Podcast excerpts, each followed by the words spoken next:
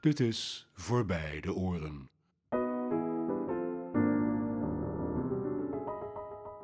Podcast over muziek en filosofie door Lodewijk Muns. Aflevering 1.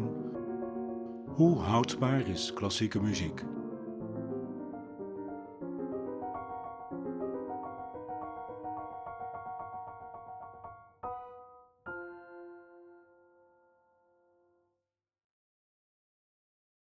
Nog vijf miljard jaar, dan brandt de zon op.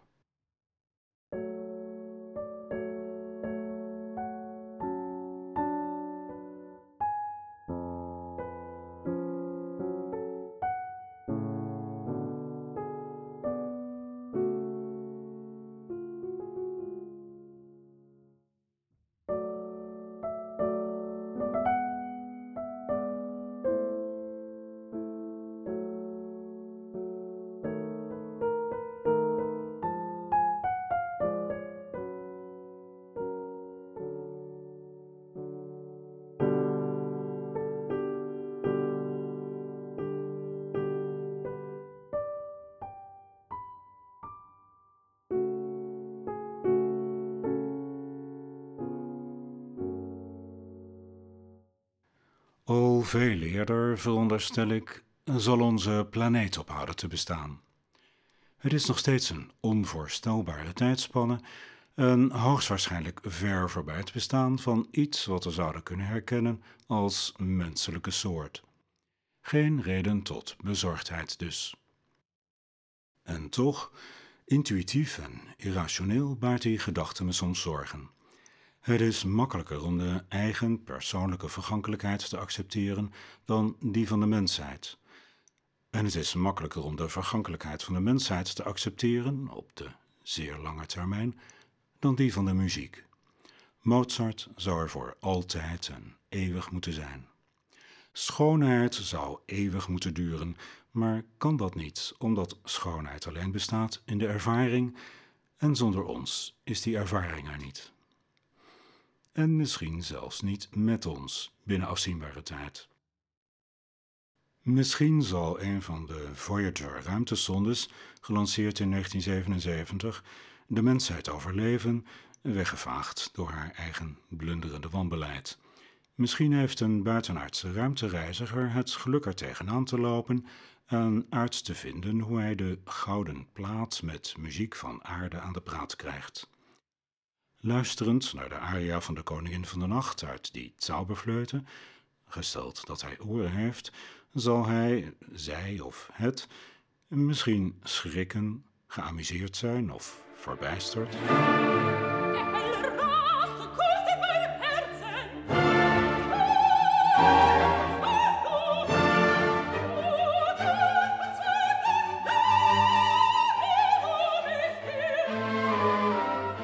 Het is onwaarschijnlijk dat er enige overeenkomst zou zijn tussen wat hij, zij, het waarneemt en wat deze muziek had moeten bewerkstelligen.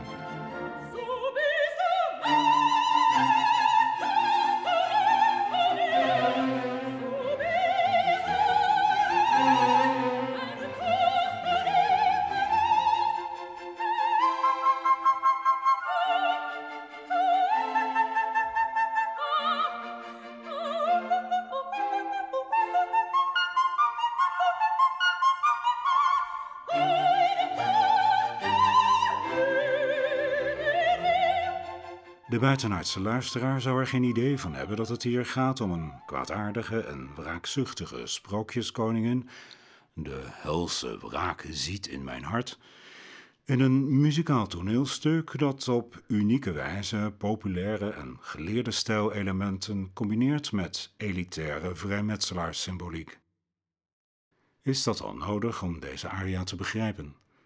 Mijn korte antwoord is ja. Mijn lange antwoord is deze podcastserie voorbij de oren.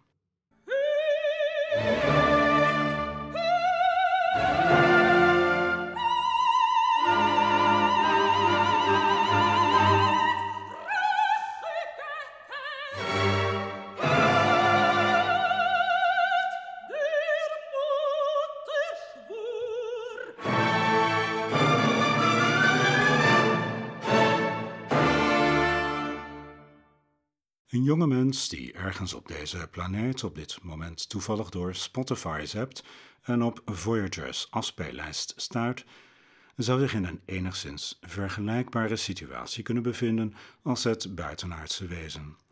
Natuurlijk zal ze weten hoe vrouwenstemmen klinken. Ook zal ze waarschijnlijk voldoende bekend zijn met het muzikale tonale idioom om intuïtief het verloop van de muziek te volgen. Ze zal misschien zelfs de uiting van uitzinnige woede in de muziek kunnen herkennen, hoewel de samenstellers van Voyager's Hit Parade dat gemist schijnen te hebben. De wraakaria van de koningin vormt een vreemd contrast met gesproken boodschappen als we zijn nu goedgezind en verbreden vrede door het heelal. Salvete quicumque estis. Bonam erga vos voluntatem habemus, et pacem per astra ferimus. تحياتنا للأصدقاء في النجوم يا ليت يجمعنا الزمان Selamat malam hadirin sekalian. Selamat berpisah dan sampai bertemu lagi di lain waktu. Schoonheid, dat woord is voor mij maar een stoplap voor alles wat we kunnen ervaren als wat muziek waardevol maakt. Daarbij horen ook ontroering, ontzag, vreugde en humor. Die waarden zijn geen tijdloos gegeven. Ze zijn grotendeels historisch en cultureel bepaald en vereisen een bekendheid met stijl en context die in de loop der tijd is gegroeid. De zogenaamde klassieke muziek is in toenemende mate gevormd op basis van een achtergrond van muzikale en culturele herinneringen, verworven door generaties van luisteraars en ingebed in de muziek zelf. En aangezien een verrijkend geheugen en langdurige vertrouwdheid haak staan op hedendaagse patronen van omgang met muziek, zijn de burn-out van Mozart en de teloorgang van klassieke muziek een meer urgente zaak dan die van de zon.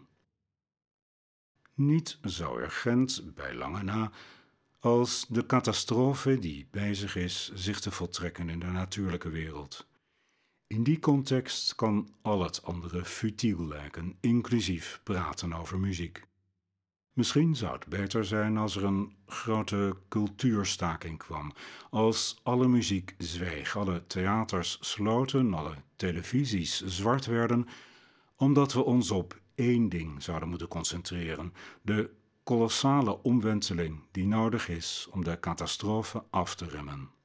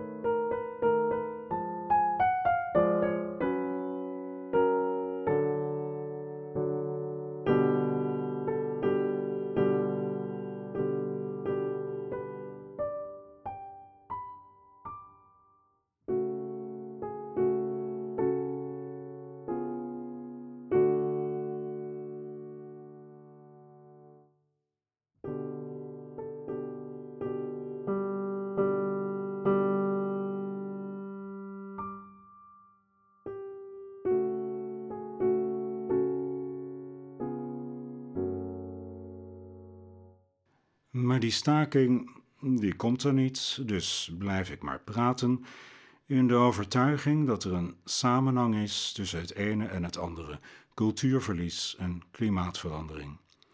Die samenhang is gelegen in consumptiegedrag. Wegwerpverpakkingen, wegwerpkleding en wegwerpmuziek horen bij hetzelfde consumptiepatroon. Het grootste obstakel voor diepere muzikale ervaringen is leven in een beperkt heden.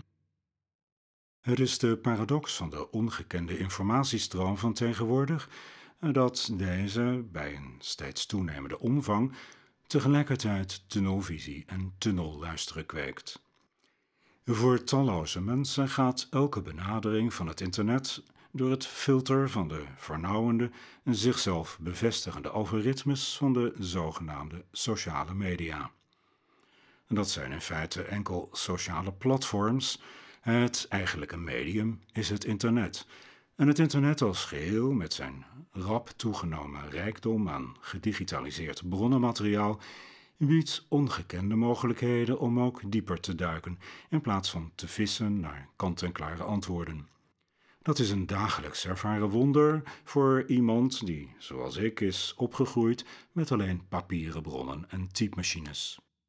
De versnelling en verbreding van de informatiestroom leidt daarom niet noodzakelijk tot vervlakking. Ze biedt ook kansen tot verdieping. Sneller kan dieper zijn.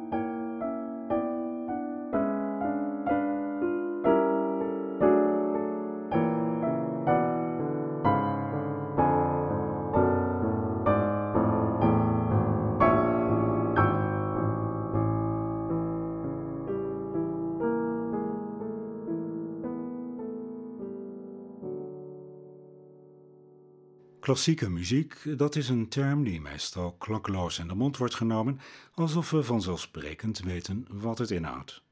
Maar het is een vaag begrip dat stevast misverstanden oproept. Wat noemen we klassieke muziek? Het is veelzeggend dat de meest omvangrijke en gezaghebbende muziekencyclopedie, de zogeheten New Grove, het laat afweten als het gaat om het definiëren van classical music. We vinden de term wel terug in de artikelen over populaire muziek. Het onderscheid dat in het spraakgebruik wordt gemaakt tussen klassieke muziek en populaire muziek wordt beschreven als een tegenstelling van kunstmuziek tegenover entertainment, van complexe muziek tegenover simpele muziek en, nog dubieuzer, als de muziek van een elite tegenover die van het volk in brede zin. Populaire muziek zou daarmee een denigrerende term zijn. Het hangt er natuurlijk maar vanaf welk spraakgebruik je in kaart probeert te brengen. Maar dat populaire muziek een denigrerende term zou zijn, die inhoudt dat ze ondergeschikt is, dat is een tamelijk bizarre opvatting in een wereld waarin most popular en trending het hoogste gebod zijn. Haast even problematisch is de kenschetsing van klassieke muziek als kunstmuziek complex en elitair. Als klassieke muziek per definitie complex zou zijn, dan is er geen simpele klassieke muziek.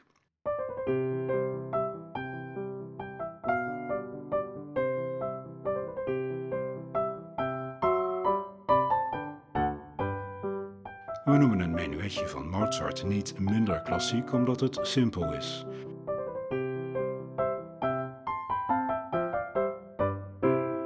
We moeten misschien wel aarzelen om het kunstmuziek te noemen als het bedoeld is om op te dansen of als oefenmateriaal in plaats van om naar te luisteren.